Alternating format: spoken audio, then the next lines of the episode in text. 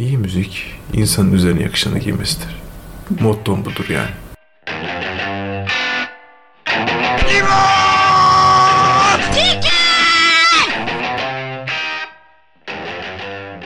Hoş geldin. Hoş buldum abi. Ne haber? İyidir. Sen nasılsın? İyidir abi. Turşu dükkanı her zaman olduğu gibi. Neden turşu peki?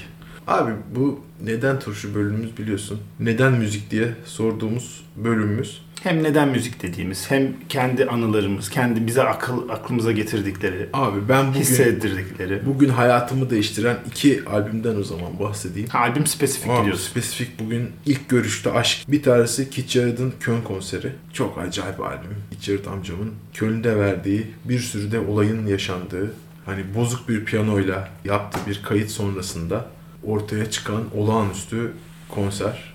Ee, hatta öyle bir yani seviliyor ki gelmiş geçmiş en çok e, satan Keith Jarrett albümü. Aynı zamanda da Jarrett'ın kitleler tarafından iyice sevilmesini ortaya 70'lerdeydi çıkaran- galiba, Evet evet. Ee, ve abi şöyle bir çılgın olay var. Yani baştan sona doğaçlama bir kayıt. Ve abi nota transkripsiyonu yapılmış. Ben çok severim o albümü bu arada. Beni böyle tek enstrümanla hakikaten böyle kendimden geçiren bir iki tane albümden bir tanesidir. Canlı kayıt olması ve senin albümündeki gibi Keith Jarrett'ın sesleriyle beraber, Evet, hani evet, o abi. nefesiyle beraber falan çok orijinaldir. Tabii tabii, tabii. yani Keith Jarrett'ın klasik çalarken söylüyor Evet. ya hani tam orada sadece söylemiyor herif. Kopuyor. Kopuyor. Kopuyor. Kopuyor. Ayaklarıyla da. Evet, vuruyor evet. filan böyle. Çok acayip bir albüm. O albümle ilgili çok hızlı bir sorum var. Daha sorum değil de bir arkadaşımın eleştirisini, bildiğim eleştirisini seninle paylaşayım. Kendisi Norveç'te yaşıyor. O geçenlerde işte Twitter kullanıyor ve Twitter'da şöyle bir şey yazdı. Herkes mi, bu kadar mı çok seviliyor bu albüm? Herkesin bu kadar çok sevmesinden nasıl sen hani geçen seferlerde Vivaldi'ye insanların verdiği övgüler ve işte hani tabii ki bunda öyle füzyon falandan bahsetmiyorum ama yani işte ne seversiniz? Klasik müzik sever misiniz? Evet çok severim. Aa işte Vivaldi çok severim diye bir benzetme yapmıştın ya. Aynısını Keith Jarrett'ın Köln konseri için benzerini diyeyim söylüyorum. ne dersin? Abi aynı yerde değiller bir kere. Kesinlikle Kesinlikle değiller. Sonuçta Keith Jarrett bile olsan e, bir ön hazırlık yapmadan hiçbir şey yapmıyorsun. Fakat bu konserde, bu Köln konserinin mayası öyle bir tutmuş ki abi, akıl alır gibi değil yani. Hani her bir bölüm kendi içinde tasarlasam böyle yazamayacağın pasajlardan oluşuyor. Dolayısıyla standart belirleyen seviyede olduğu için bence hani bu kadar insan Benim o albümü dinlediğim zamanki ilk dinlediğim zamanki izlenimimi söyleyeyim. Çok yumuşacık başlayıp öyle öyle hatırlıyorum. Hı hı. Dinlemeli bayağı oldu bu arada. Ee, çok yumuşacık başlayıp sonradan aynen demin söylediğimiz gibi e, Keith Jarrett'ın koptuğu ve albümün de koptuğu ve bambaşka yerlere gittiğini çok iyi hatırlıyorum. Ve çok keyif aldığımı hatırlıyorum ki o zamanlar böyle hep söylerim bu tarz müzikleri dinlemek klasik müzikte de benzer şeyleri sana söylüyorum hep. Seviyor değilim. Çünkü aslında eğitilmediğim. Kendimi o yönde eğitmedim. Keith Jarrett ve işte hani ona benzer caz tarzında diyeyim. Kendimi böyle yeni yeni eğitmeye başladığım zamanlarda dalmıştım. Yani o zaman Keith Jarrett'ın adını ilk duyduğum zaman ilk onu dinledim zaten. İlk o albümü dinledim yani. Evet genelde Keith Jarrett'ın ilk dinlenen albümüdür. Evet. Çünkü yani herkesin doğru tanışma albümü bir taraf. Bence de. Bence de müthiş. Zaten sonra ECM'le tanıştım ve ondan sonra ECM camiasına girdim falan. Giriyorsun filan. İkinci albüm Beyond the Missouri Sky. Bu bir düet albüm. Pat Metheny gitarıyla e, ve Charlie Haddon basıyla iki enstrümanla yapılabilecek bu kadar mı uyum? Vay be kardeşim. Böyle bir albüm daha var onu onu bir sonraki programa saklıyorum. Bunlar senin hayatının albümleri dediğimiz mi? Neydi? Bunlar benim hayatımın albümlerinden. Gerçekten. Albümlerinden. İlk onda kesinlikle varlar. Bir numara benim için Köln konseri hep bir numaraya bir gider bir gelir, bir gider bir gelir ama Köln konseri benim için şey gibi bir. Dinlemediğim zaman rahatsızlık duyduğum, alışkanlık değil ama bu. Hani Anladım. ihtiyaç. Anladım, anladım. Aç Şey, kal, aç kal. Aç kalıyorum ona. Yani santimetresini biliyorum. Nota transkripsiyonuna sahibim. Çok güzel bir benzetme yaptın. Bu aç kalıyorum kısmı. Demin çünkü sen söylerken şunu düşünüyordum. Hani ilk ona girer. En iyilerindendir. Benim öyle diyebileceğim bir albüm yok. Yani ilk ona ilk onu çıkartamam sana. Ama olmazsa aç kalırım dediğim bir iki tane albüm var. Ben de zaten bu bizim Neden Turşu bölümünde özellikle e, beni böyle ilk dinleyişte içine çeken ve böyle haftalarca, günlerce demiyorum, haftalarca içinde kaldığım ve dönemsel olarak dönüp dönüp tekrardan dinlediğim e, albüm konseptinden bahsetmek istiyordum.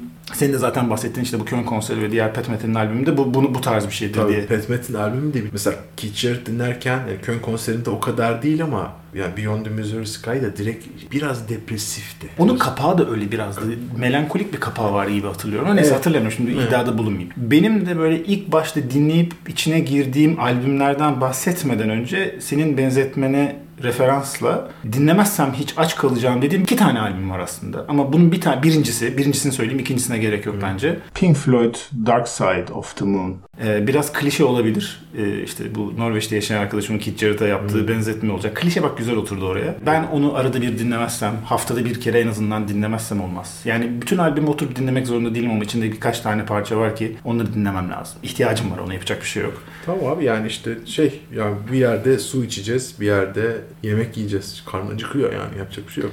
İlk görüşte aşk müzik albümlerinden biraz bahsedeyim. Bir tanesi buydu. Bu arada benim Pink Floyd'da tanıştığım albüm değil Dark Side of the Moon. Galiba belli bir yaştan sonra daha böyle benim içimde böyle yer etti ve ihtiyaç duyduğum bir albüm haline geldi. Genelde Wall'dur. Hani ilk insan Vol tabii doğru söylüyorsun Vol daha. Bir de onda böyle biraz daha hareket var. Hani ilk tanıştığım yaşlar 14-15 yaşları civarındaydı. O dönemlere daha çok uyuyor. Onda da mesela bütün Vol'u dinleyemiyorsun oturup. Çünkü o bir, bir çeşit soundtrack olduğu için olmuyor. Onu da tam anlamıyorsun. Sadece içinden işte böyle parça parça bazı şeyleri anlayabiliyorsun ya da keyif alıyorsun diyeyim yani daha Tabii. doğrusu. Birkaç tane şeyden bahsedeyim. Albümden bahsedeyim ben de aynı şekilde. Bir tanesi The Way Up. Bunun böyle olmasının sebebi ki son albümlerinden. Yani son albüm dedim 2005-2006 olması lazım. Ee, senin söylediğin The Missouri Sky'a göre, Beyond the Missouri Sky'a göre daha yeni, çok daha yeni haliyle. Tabii tabii tabii. Beni aşık etmesini anladığım parametreyi söyleyeyim. Konserine gidip ben öyle her hep konserlerin ne kadar muhteşem olduğundan veya bahsediyoruz işte Coldplay hikayesinden bahsettik. Pat Methe'nin bu albümündeki hikaye ise şöyle. Genelde ben konserden çıktıktan sonra artık o kadar dolmuş olurum ki o konserdeki parçalardan ve o müzisyenden bir gün dinlemediğim olur. Eve gidip dinlemem yani sonuç itibariyle konserden sonra. Ama bu The Way Up konserine gittim. Konserden çıkışta eve dönerken kulağıma albümü takıp döndüm. Yani o kadar hayran oldum ki konser tabii bu albümle konserde tanışmamıştım. Daha evvelinde biliyordum ama adam zaten konserde o albümü çaldı. Sadece baştan sona hani track 1 track son 5 track mi 4 track mi ne olması lazım yanlış hatırlamıyorsam. Bütün hepsini baştan sona böyle sanki tek kayıtmış gibi e, çaldı. Ben onu dinledim. Sonra indim metroya bindim. Metroya bindikten sonra kulağıma kulaklığımı taktım. Gene onu bastım. Gözün doymamış yani. Gözüm do- bravo kesinlikle gözüm doymadı yani. O benim hakikaten böyle ilk dinleyişte aşık olduğum dediğim bir albümdür. Bir diğeri e, oturup hepsini söylemeyeceğim. Hani e, bir iki tane farklı tazlardan pa- paylaşmak istiyorum. Bir diğeri Phoenix diye bir grup. Şimdi Phoenix 2000'lerde gene keşfettiğim bir grup. Alakası yok yani tarzı bambaşka bir tarz. Bağımsız pop karışık yani artık dinleyin bilmiyorum tarzına siz koyun etiketlemeye gerek yok. Phoenix'i ilk dinlediğim zaman işte bir evvelki e, sohbetlerimizde söylediğim gibi ya bu İngilizler ne kadar güzel müzik yapıyorlar dedim adamlar Fransız çıktı. Ama ilk albümlerine United diye bir albümdü bu. Tavsiye ederim. Çok enerji dolu, çok orijinal bir albümdür. Son bir tane daha bahsedeyim. Gene bir klişe olmasın. Eric Clapton'ın 24 Nights diye bir konser albümü. Çift CD. Yani şimdi artık Spotify falan veya derken artık çift CD söylemleri o kadar bitti ki. Bir anda bunu dediğim zaman kendi kendime yabancı geldi ama ben bunu fi tarihinde dinlediğim zaman da çift CD olarak almıştım öyle dinlemiştim. Kayıt efsane. Arada doğaçlama çok güzel geçişler ve çok güzel sololar var. Şöyle söyleyeyim içindeki bazı parçalar var ki orijinalini dinlemektense o konserden dinlemeyi tercih ederim. Yani stüdyo kaydındansa onu dinlemeyi tercih ederim. Bu da aynı şekilde yani seneler evvel dinleyip hala defalarca dinleyip dinleyip doyamadığım albümlerden bir tanesidir. Son bir tane daha söyleyeyim hadi gene bunu da atlamayalım. O da Ben Harper. Evet abi. Ben Harper gerçekten enerji ihtiyacımı karşılayan albüm. Enerji ihtiyacım var. O sırada bir şeyle uğraşacağım ve fiziksel bir e, takviyeye ihtiyacım var. Adamın albümünü fiziksel takviye olarak görüyorsun Tabii tabii. mi? Onu aldığım anda adrenalin böyle direkt Adam- adamın çok enteresan bir ruhu var yani. gerçekten öyle abi. Gerçekten öyle yani. Tesadüf galiba söyleyeceğim şey. Kendisi de duyunca şaşıracaktır. Az evvel bahsettiğim Norveç'te yaşayan arkadaşım sayesinde ben tanıştım bu arada Ben Harper'la. Senede 95 olması lazım yanlış hatırlamıyorsam. İşte bu Fight For Your Mind albümünün turuna çıkmış Ben Harper ve İstanbul'a gelmiş. Benim haberim yok. Bu arkadaşım beni aradı. Konsere gidelim dedi. Bilet var dedi falan. Ben tanımıyorum Ben Harper'ı. İstanbul'da kar yağıyor falan böyle. Ben böyle kar İstanbul'un nadir karlarından bir tanesinde üniversiteye hazırlandığım sene 96 olması lazım o zaman ya. Neyse. Dersten çıkıp karda yürüyüp çünkü trafik kilitlenmiş yoksa yetişemeyeceğim konsere. Cemal Reşitre'ydi konser. Konsere gittim. Ee, şöyle söyleyeyim. Konser sonunda işte bu Coldplay'e benziyor bu hikayede. İnanamadım yani. Hani genelde Cemal Reşitre'de dinlediğim konserler ya işte böyle e, triolar. Mozart Requiem'i dinlemişliğim vardır orada.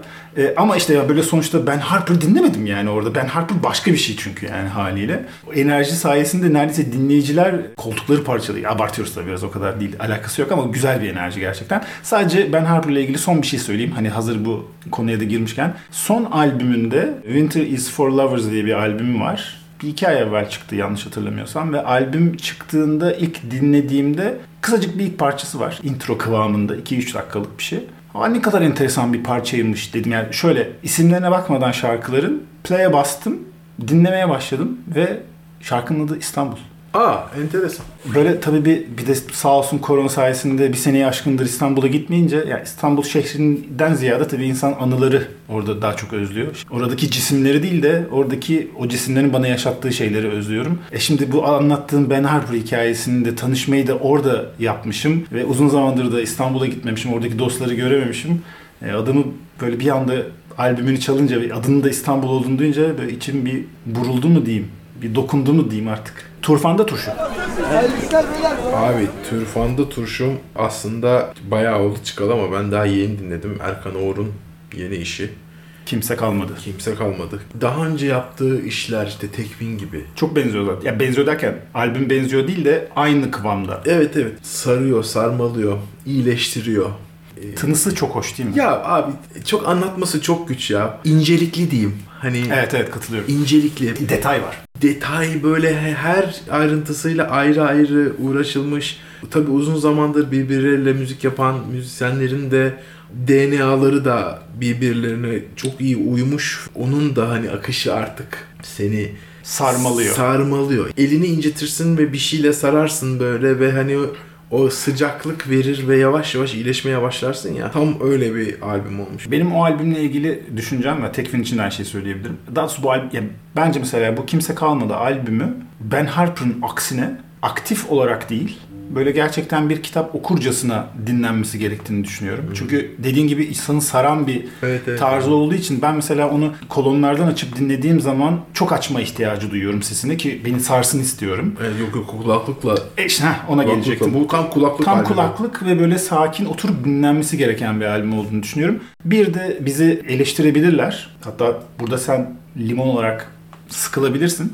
Hani füzyon sevmiyorsun ya. Güher Söver'i çok sevdiğinden bahsediyordun ya. Dur bekle bekle bekle. bekle. Neyse peki. Diyebilirler ki "E, tamam da bu albüm de füzyon yani sonuçta Erkan Uğur'la bu hani çok Anadolu müziği biraz caz tınısı falan derken böyle farklı bir tana yere gidiyor. Enstrümanlar öyle değil falan. Abi güzel füzyon da başka bir şey ama ya. Abi yok yok. Bunu, Bu başka bir şey çünkü bu, bence. bu başka bir kumaş ama. Kesinlikle Yani hani bu böyle şey. Buna füzyon deme insanın gönlüne el vermiyor. Yani kumaşları çok başka. Bence çok özgün abi. Yüzde yüz. Yani füzyon bu bak siz füzyon sevmiyordunuz diyenler için ben öyle değilim bu arada. Tekrar diyorum limona söylüyoruz bunu. Füzyon sevmiyor değil limon aslında da samimi ve naif ve güzel Abi, yapılan. iyisini Hah. ya her şeyin iyisini severim abi. Şöyle söyleyeyim yani sirkeyle yapılmış iyi bir turşu da yenebilir bir yere Hah. kadar. Onu bak bir yere kadar. Bir yere kadar ama. Tamam bendeki tu- turfandaki turşulara geçiyorum. Ee, hı- hızlı geçeceğim bir iki tanesine. Ee, şöyle geçen seferlerde bahsettiğimiz Gogo Penguin'in bir tane single'ından bahsetmiştim. Pötü A. Hatırlarsınız belki ya da dinlemeyenler için tekrar söylemiş olayım. O single'ı vardı ve şimdi EP'si çıktı. Bir konser kaydı Live from Studio 2 diye. Geçen hafta tavsiye edilir. Efsane bir kayıt. Tam konuşmanın üzerine de böyle biliyormuş gibi bir. Ta- Hakikaten ha değil mi? Valla. Ya adamlar zaten single çıkardılarsa arkasından bir şey gelecekti gelecek belli. ama Ama, yine- çok hızlı oldu. Çok Çok, hızlı oldu. geldi yani. Diğer bir tanesi detayına girmeyeceğim. Belki progresif rock'la alakalı daha detaylı bir e, içerik yaparız. O zaman konuşuruz. E, Big Big Train diye tabii ki gene İngiliz bir gruptan bahsediyoruz. Ben kendileri için progresif rock'ın yeni neferi diyorum. E, çok orijinaller. Bana biraz Marilyn'ı hatırlatıyor. Biraz Genesis'i hatırlatıyor ki Genesis hastası değilim. Marilyn'ı daha çok severim. Onların bir tane yeni konser kaydı var. Empire adı. Efsane bir kayıt. Çok fazla lafa gerek yok. Oturup hani oturup albümü analiz edecek halim yok ama yani gerçekten herkese şiddetle tavsiye ediyorum.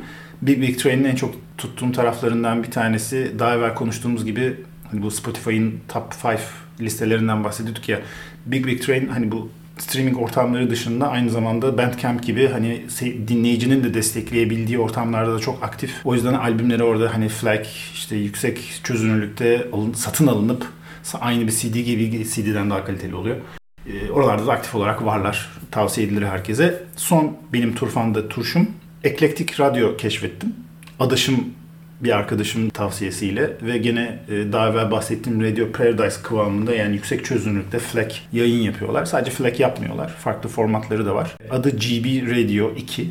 Kanada'dan yapılan bir yayın. Web adresini ben söyleyeyim ama bu sözlü söylendiği zaman genelde akılda kalmıyor ama GB Radio 2 diye aranırsa yani 2'den custom to gbradio2.ca yani Kanada'nın CA'sı. E, oraya girerseniz farklı formatlarda dinleyebilirsiniz. Her zaman dinlenecek bir şey değil ama bazı durumlarda. Çünkü rock, klasik rock'a çok giriyorlar ama çok güzel bir karma, çok güzel bir listeleri var. Tavsiye edilir der. Sözü limonla turşuya bırakırım limoncu. Limon! Abi limonla turşu da e, film müziği ne işe yarar ne işe yaramazdan bahsetmek istiyorum. Bunun içinde tabii ki e, film müziğinin olmazsa olmaz lafı leitmotiv nedir? Ne nedir? işe yarar? Abi leitmotiv aslında bizim hepimizin aslında bildiği, farkında olduğu ama bu nedir yahu diye isimlendirmediği bir iş. Yani, Kelime anlamı var mı? Leitmotiv abi bir karakter için özel bestelenmiş melodi müzik. Müzik. En meşhuru Darth Vader'ın melodisidir. Ha okey anladım. Darth Vader'ın do do do do do do bunu duyarsın. Tamam Aklına Darth Vader geliyor direkt zaten. Zaten bunu abi sen duyduğun zaman şeyde film seyrederken ya birazdan ki gelir ya, adam. ya gelecektir ya oradadır ya da yani Star Destroyer'in içindeyse de yani bir Star Destroyer'i görürsün geliyor ileriden. Bu müzik arkada çalıyorsa o içinde vardır. Şeyde yapılmamış mıydı bu zaten? Üçüncü yani yeni yapılanların sonuncusu ama üçüncünün sonunda Dark Side'a geçtiği zaman bu tema gelir ve tema anlarsın gelir ki artık, anlarsın ki artık adam Darth, Vader, Darth Vader oldu. Evet. Aynı şey daha önce de bunu konuştuk aslında. Evet. Ee, mesela Anakin'in temasında da arada mini minnacık bir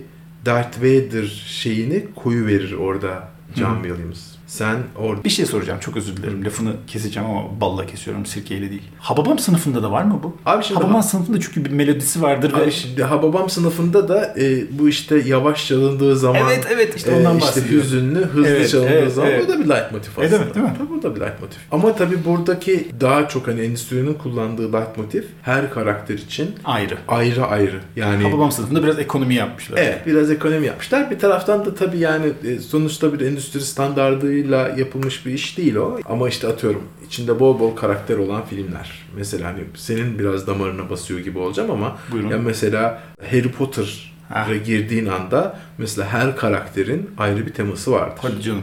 Harry Potter'da baya baya ciddi. En kralı tabii ki en böyle hani yüzümüze yüzümüze vurdu Star Wars'tur. Her karakterin tek tek böyle hani e, işte prensesin ayrı, Darth Vader'ın ayrı, Luke Skywalker'ın ayrı ve şey hani bunu filmde baya baya hani Luke oradaysa Luke konuşuyor yanında Prenses Leia var. İkisinin de melodisini duyarsın.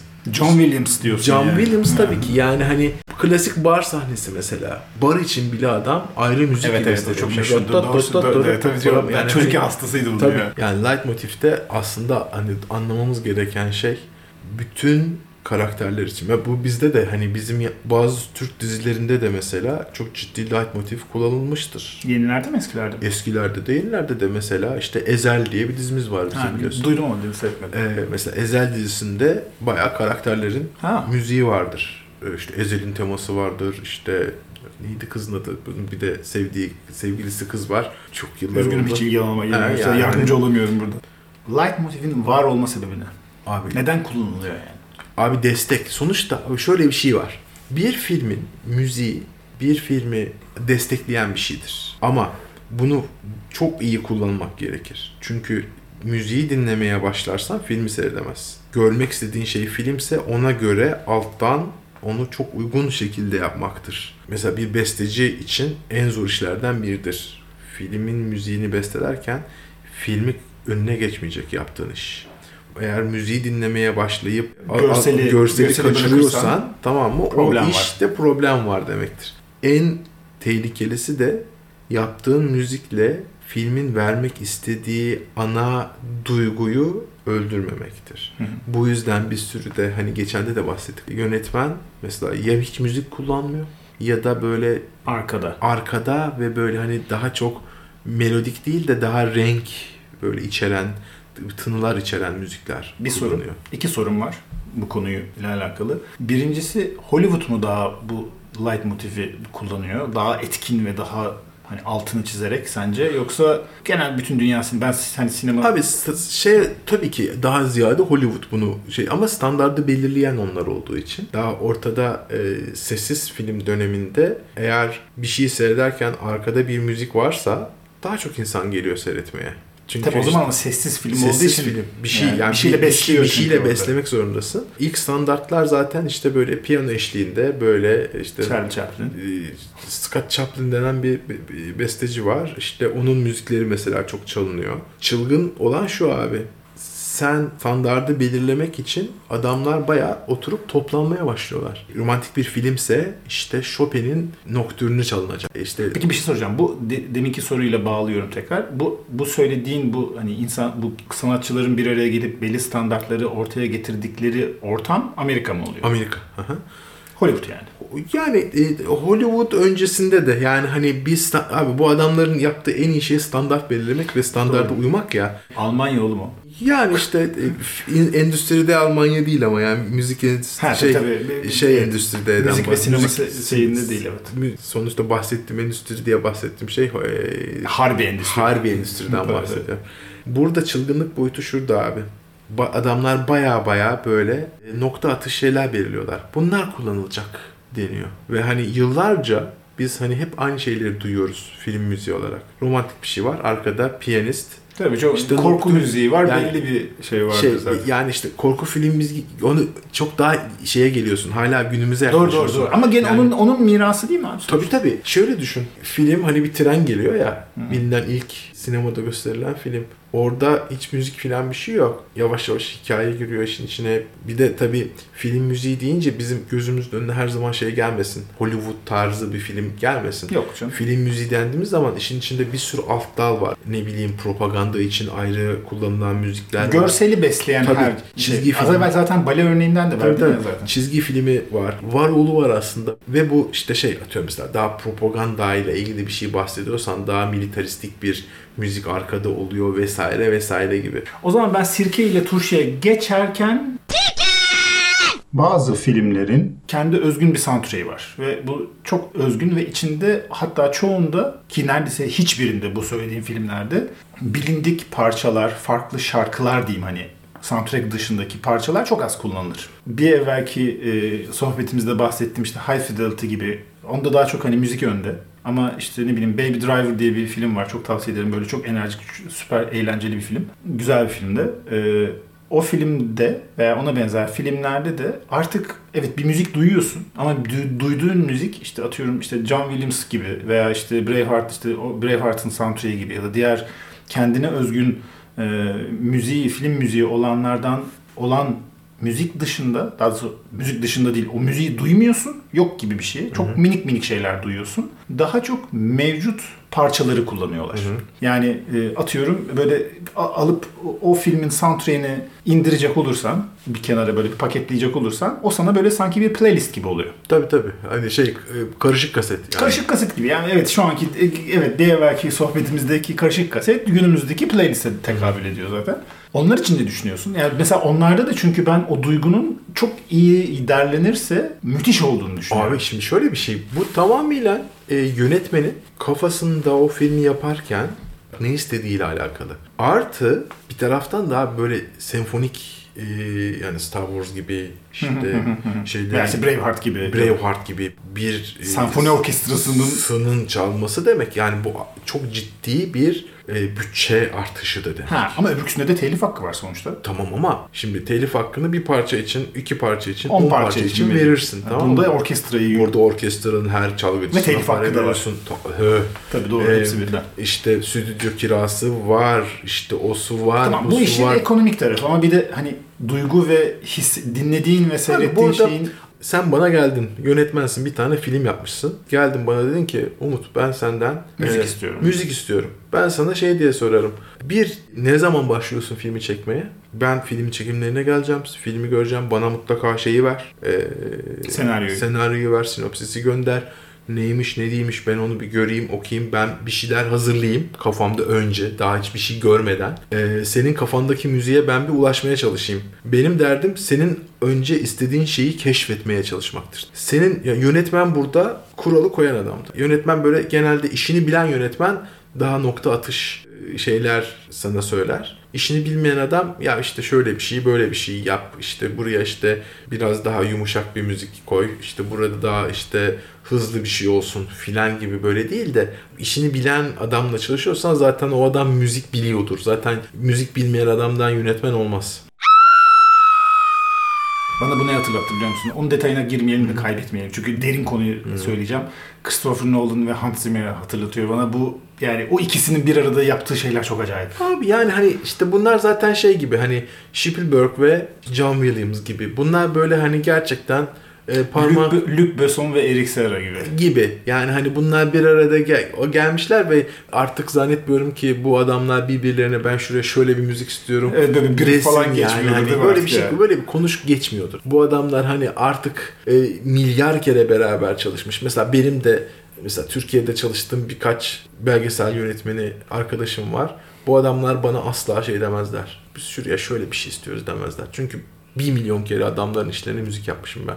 Ben konuyu buradan sirke ile turşu kapsamında aslında şuna bağlamak istiyordum. Sen az evvel biraz değindin ama bilinçli olarak mı bilinçsiz olarak mı bilmiyorum. Hani Harry Potter'daki light motiflerden bahsetmiştin Evet, ya. evet. Şimdi benim Harry Potter ve müzikle alakalı bir anım var. Anı değil de bu bir tecrübe diyeyim daha doğrusu. Şöyle ki bu Harry Potter filmleri çıktıktan sonra benim Harry Potter'la ilgili zevkimi mahvettiler. Ben Harry Potter filmleri çıkmadan bunlar böyle çok böyle acayip moda işte filmleri, kitap kitapları var tabii de yok işte e, ne bileyim resimlik kitapları ıvırı zıvırı böyle hani Abi bir öyle bir endüstri oldu işte o- ki. o, hale gelmedi. Çok doğru söyledin. O hale bir aynı Star Wars gibi aslında. Bir Harry Potter'da ayrı bir e, endüstri haline. Harry Potter endüstrisi olmadan evvel okuyordum. Harry Potter ama böyle olmadan evvelki zamandan bahsediyorum. Ben o zamanlar işte ve e, bu duyanlar gülebilir buna. Ben Harry Potter'ın ilk beşini okudum sadece. Sebebi de zaten bu. Ve ilk beşini bir kısmını İngilizce ve Fransızca okudum. Hatta ilk Harry Potter okumaya Fransızca başladım. Ee, ve onu okuduğum zamanlarda e, geçen seferki sohbetimizde bahsediyorduk yani mini diskler falan filan benim mini disk dönemime denk gelir. Ee, ve böyle kendi kaydetmediğim prodüksiyonla üretilmiş aldığım 2-3 tane mini disk vardı. Bunlardan bir tanesi Jeff Buckley'nin albümü. Diğeri de Fiona Apple'ın When the Pound denilen ve çok müthiş ve bir az evvel e, bugünkü sohbetimizin en başında bahsettiğimiz aşık olduğum albümlerden bir tanesidir. Oydu ve ben sürekli olarak metroyla işe gidiyordum o dönem. Sene 2000 ve sürekli olarak işte Harry Potter okuyorum ve Harry Potter'ın o zaman ilk ikisi mi var? Ve ben de sürekli olarak Fiona Apple'ın o albümünü dinliyorum ve albümünü dinlerken Harry Potter okuyorum ve kendim gözümde benim için bir Harry Potter var. Bir karakter yarattım işte gözlüğüyle, yarasıyla, ıvırı zıvırıyla neyse. Yani oradaki kitaptaki her bir karakterin benim yönetmeni olduğum bir filmde oynuyordu ve soundtrack'i de Fiona Apple'dı. Yani Fiona Apple'ın o, o albümüydü. Az evvel senin söylediğin gibi o filmin de yönetmeni olarak bazı sahneler ya bunu bilmiyorum. Bu benim bir, herhalde beynimin bana yaptığı bir Ama oyundu. o kitap okuyan herkesin başına gelen şey. Kesinlikle. Sonrasında da zaten bu filmleri çıktıktan sonra benim için kitap bitti. Çünkü artık o yönetmenin yaptığı Harry Potter, o işte o karakter, ismini bilmiyorum yani gerçek adını. Daniel aktörün- Radcliffe. Ha okey. Ondan sonra yani tamam filmlerin hepsini seyrettim. Zaten birinci filmi seyrettikten sonra kitapları ko- kenara koydum. Zaten sonra beşinci, beşinci çıkmış mıydı bilmiyorum yani ama beşinciyi okudum en son. Yani birinciyi seyrettikten sonra ben geri kalan son iki kitabı okumadım. Şimdi sana sormak istediğim ve üzerine konuşmak istediğim sirke ile turşu ile kısım da şu. Müzik dinlerken kitap okuyabilir misin? Mümkün değil abi. Mümkün değil. İkisi Bütün kitaplar için mi geçerli? benim için bütün kitaplar için geçerli. Yani roman da oku- roman okurken de mi dinleyemezsin? Yok yok mümkün değil abi. Çünkü Benim- iki tane kitap okuyormuşsun gibi oluyor. Tabii sen tabii ihtimalle. abi ama bu mesleki deformasyon Tabii, tabii. kısmına giriyor bende. Çünkü ben kitap okuduğum zaman ben sessizlik arıyorum. Kitap okuyacaksam hani mümkünse bir kütüphane sessizliği ki ancak o zaman tam olarak senin kafanda yaşadığın iyi yaşayabiliyorum. Yani benim kafamda bir karakter oluşuyor. Ee, onun bir gözü var, kaşı var, burnu var, yürüyüşü belli, sağa bakışı belli, sola bakışı belli. Hatta ya ben kitap okurken beni seyredersen biraz da eğlenirsin. Ben Kaş göz hareketleri Ka- adam işte diyor ki işte omzunu silkti diyor. Sen de omuzlarını Ben de omzumu silkiyorum kitap okurken. Karakteri kendi yerine de koyduğun zaman oluyor. Bu ister istemez e, benim için mümkün değil. Çünkü ben de abi müziğin hem teknik dinlemesine geçmeye Sen iki durumu- tane kitap okuyormuş gibi oluyorsun işte ister istemez. Ben Müziğin de kitabını okuyor Tabii. oluyorsun. Çünkü öbürküsünü de okumaya bir daha bir şöyle bir şey ben o kitabı okuduğumda hani arkada bir şey dinlediğim zaman Kitabı okumuyorsun. Kitabı hisset hissiyatı değişiyor kitabın. Ama o normal bende de öyle oluyor. İşte dedim ya az evvel ya benim için Fiona Apple'ın melodileri Harry Potter'ın soundtrack'iydi filmi çıkana kadar. Bir de bir de hiç dinlemeden oku. Yani bambaşka tınlayacak o kitap sende. Ya olabilir ama ben şeyi seviyorum. O zaten söylemek istediğim, değinmek istediğim nokta da o. Ben şundan, şu da anlaşılmasın. Her kitapla her müziği veya bütün kitaplarla müzik dinleyebilirim demeyeyim sakın ha. Ya Öyle şöyle şey şöyle de düşün. Mesela Star Wars örneğine döneyim. Mesela Star Wars'un kitap serileri de var. Doğru. Hani ara Tabii. hikayeler bin bir Ha. tane. Tabii o da orada Yani bir sektör var zaten. Orada ayrı bir sektör var. Star Wars'un müziğini açıp o kitapları da okuyamam ben. Ha bilmiyorum. Olabilir. Düşün bak Star Wars hani kafamızda Tamam. yer etmiş Star Wars Tamam yani. okey. Benim öyle değil. Onu da yapamam. Çünkü o zaman da şey ben de özellikle hani Star Wars sound, soundtrack işin içinde girdiği zaman bambaşka bir şey Star Çünkü soundtrack'i dinlerken bir Ama taraftan orada, bir filmi de ama orada senkronizasyon Tabii, koparsın sen ya normal. ben de yapamam onu büyük onu ihtimalle. se- se- filmi seyretmeye başlıyorsun. Çünkü orada o giriyor müzik ve sen orada başka bir şey okuyorsun. Aynı Film, şey filmi düşünüyorsun. o aynı şey değil ki okuduğun Tabii şeyde. tabii ona katılıyorum. Ama Bu o başka şey bir gibi şey. e, sanki kitabı e, şey Leonardo yazmış da ben aynayla okumaya çalışıyorum gibi olmaya Evet. başlıyor. Evet evet yok o- ona katılıyorum. Ama şöyle bir şey var. Bunu da şöyle bağlayayım senin söylediklerini kendi bakış açımdan. Harry Potter örneğinde de olduğu gibi filmi çıkmış çıkmasında bir sıkıntı yok. Filmini seyrettiysem, kitabını okumadıysam kitabını okuyamıyorum. Çünkü benim yani be- beni şartlı o zaman senaryo okuyormuşum gibi geliyor bana. Anladım. İşte aslında soundtrack'in yaptığı şey iyi yaşıyorsun işte aslında. Çünkü soundtrack e, ister istemez e, sana birazcık ne hissetmen gerektiğini biraz söyleyen, Doğru. işte biraz işte seni heyecanlı bir sahnede yum- yumuşak bir müzik olmayacak. Ama bunun tam tersini yapan da çok e, adam var yönetmen olarak. Daha önce örneğini verdiğimiz Kuzuların Sessizliği Ha evet evet. gibi. evet. Bah örneğin. Bak verdim. arkadan yani. Adam uyku Go- için Goldberg, yaptığı şeyi- e, Dükü uyusun diye olan müziği dinleyerek adam yiyor. Yamyamlık yapıyor. Son konu ve sonra son bölüme geçiyorum bu, bununla ilgili. Ee, geçenlerde bir makale okumuştum. Sonra hatta YouTube'da bir YouTuber'ın videosunda da seyrettim. Bu sitcomlarda özellikle yapılan hani kahkaha efekti var ya bak mesela soundtrack'ten bağımsız duyduğumuzun ne kadar etkin olduğuyla alakalı. Kahkaha efektinin eskiden çok saçma olduğunu düşünüyordum. Ama mesela o okuduğum makalede ve YouTuber'ın yaptığı yayında da görüyorsun şey yapıyorlar. YouTube'dakini gördüğünde daha da enteresan oluyor. Gerçek olarak gördüğünde Tabii. o kahkahayı dram hissi veren ön yargısını yarattığımız bir melodiyle değiştiriyorlar. Aynı sahne bir anda böyle bir pembe diziye dönüyor. Yani o sitcom'u alıp sitcom'daki böyle normalde seyrettiğin zaman bildiğin bir dizide kahkaha yani kahkaha atmasan bile güldüğün, gülümsediğin bir sahneye üzerine böyle gergin bir müzik koyduğunda böyle bir anda 80'lerdeki pembe dizilerde Brezilya dizilerinde böyle donar kalı ha, eski vardır hala belki bilmi takip etmediğim için bilmiyorum. Ben sonuçta bir tek onları hatırlıyorum. Hani orada böyle durur böyle birbirine bakar falan böyle saçma sapan bir şey haline geliyor. Ee, buradan varmaya çalıştığım şey soundtrack dışında dediğin gibi hani duyduğun her şey aslında seni çok etkiliyor orada. Sadece gördüğün şey de değil yani. Tabii tabii. Ama bu bir bütünün parçası. 5000 parça, 10.000 parça, 100.000 parçalık bir puzzle yaptığını düşün. Bir tane eksikse onu direkt gözün görür ya. Aynı şey işte. Bir şey eksik olmayacak abi. O çok ince ayar yani bu. e, Bu yönetmen işi çok iyi bilecek ki bestecisini çok iyi yönlendirecek. Bunlar hepsi bir araya gelmezse zaten o zaman olmuyor. Deyip bu ne veriz bu ne lahana turşusu. Abi bu hafta yine bende yok ya. Hani bu hafta Çalışıp gelmiyorsun. Abi çalışma değil ya. Denk gelmiyorum aslında. Bence şanslısın bu arada. Abi, yani evet de- denk gelmedim bu hafta kötü şeye. Ben yani, geçen hafta da denk gelmiştim. e, geçen hafta da çok böyle şey bir işte ortak de dinlediğimiz ve bu ne Ha, dediğimiz evet, doğru. Sting amcanın işi vardı. Zucchero. Benim var. E, yani aslında e, bir adres göstermeden örnek üzerine örnek vereceğim. Bir yaşadığım bir durumu anlatacağım. Bu ne periz bu la, ne lahana turşusuna uygun. O da mesela bazı gruplar var dinlediğim. Çok yaşıyorum bunu. Çok eski bir grup olmak zorunda değil. Böyle 2-3 tane albüm çıkartıyorlar. Hastası oluyorum. Bir heves yeni bir albüm çıkartacaklarını öğreniyorum. Allah'ım diyorum yeni albüm çıkacak falan. Artık korkar oldum açıkçası böyle çok uzun süre ara veren. Yani uzun süreden kastım da 6 ay bir sene bile olsa. Bir sene zaten çok uzun bir zaman değil ama fark etmez. Bir sene ara verdiği zaman yeni çıkacağında korkuyorum. Hele bir de böyle çok farklı tarzlara kayabilen grup ve e, müzisyenlerse. Sonra bir tane bir albüm çıkartıyorlar ve feci bir çöküş yaşıyorum ve gerçekten hayal kırıklığı üzerine Evet, hayal yani kırıklığı yaşıyorum. beklentini karşılamıyor çünkü. Beklentimi karşılamıyor ama açıkçası bunu da anlayabiliyorum. Çünkü sonuçta nasıl bu müzisyen de yaşadığı hayata, kendi deneyimlerine, kendi ruh haline göre müzik yapıyor. Bu da sonuçta bir fabrika değil yani. Hani Abi aslında şöyle de bir şey de var. Onu da paslamamak lazım. Sen de değişiyorsun bir taraftan. O zaman içinde yani. Kesinlikle haklısın. Evet ama yani benim beklen, beklentim belli. 3 aşağı 5 yukarı. Ben biraz daha sta- yani dediğin dediğinde haklısın ama ben bu perspektifte daha sabitim. Örnek vereceğim. Bu hafta yaşadım çünkü bununla ilgili bir şey. O yüzden buna geldim. Blackfield diye bir grup var. Bu daha evvelki konuşmalarımızda bahsettiğim Steven Wilson'ın gruplarından bir tanesi. Çok detayına girmeyeceğim. Geçen hafta 4 Aralık'ta olması lazım. Yeni bir. Cuma günü. 4 Aralık'ta Cuma günü. Ee, Böylelikle bu tarihimizde vermiş olduk. Geçen hafta Cuma günü yeni bir albümleri çıkacak ve ben aylardır bu albümü bekliyorum ve normalde böyle gümbür gümbür progressive rock yapan bir grup. Bir kere dinledim.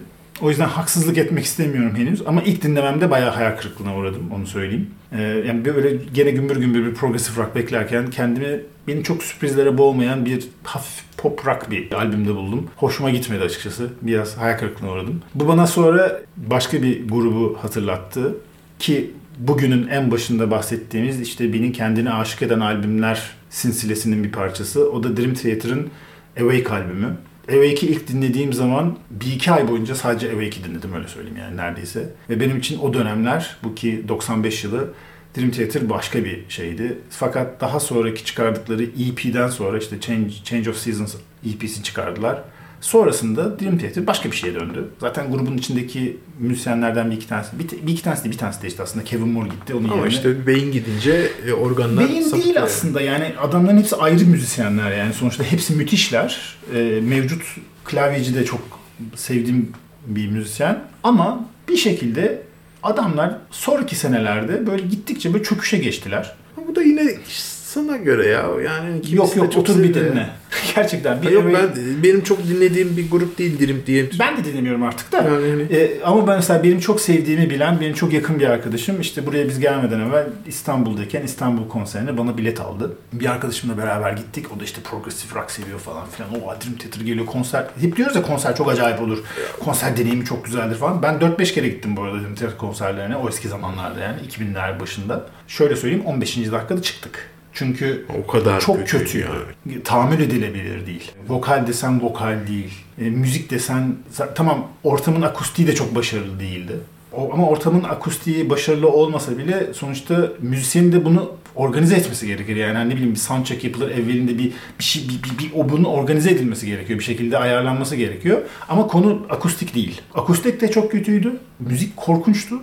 Her, her şey çok kötüydü yani açıkçası. Özetle Dream Theater'da benim için hani bu da Blackfield'ı bir daha dinleyeceğim. Ama benim için en azından bu hafta içinde bir e, bu ne periz bu ne lanet turşusu konusuydu. Dream Theater'da yıllardır açıkçası öyle benim için. Der, bugünü kapatırız. Görüşürüz. Kendine iyi bak. Dükkanı kapıyorum.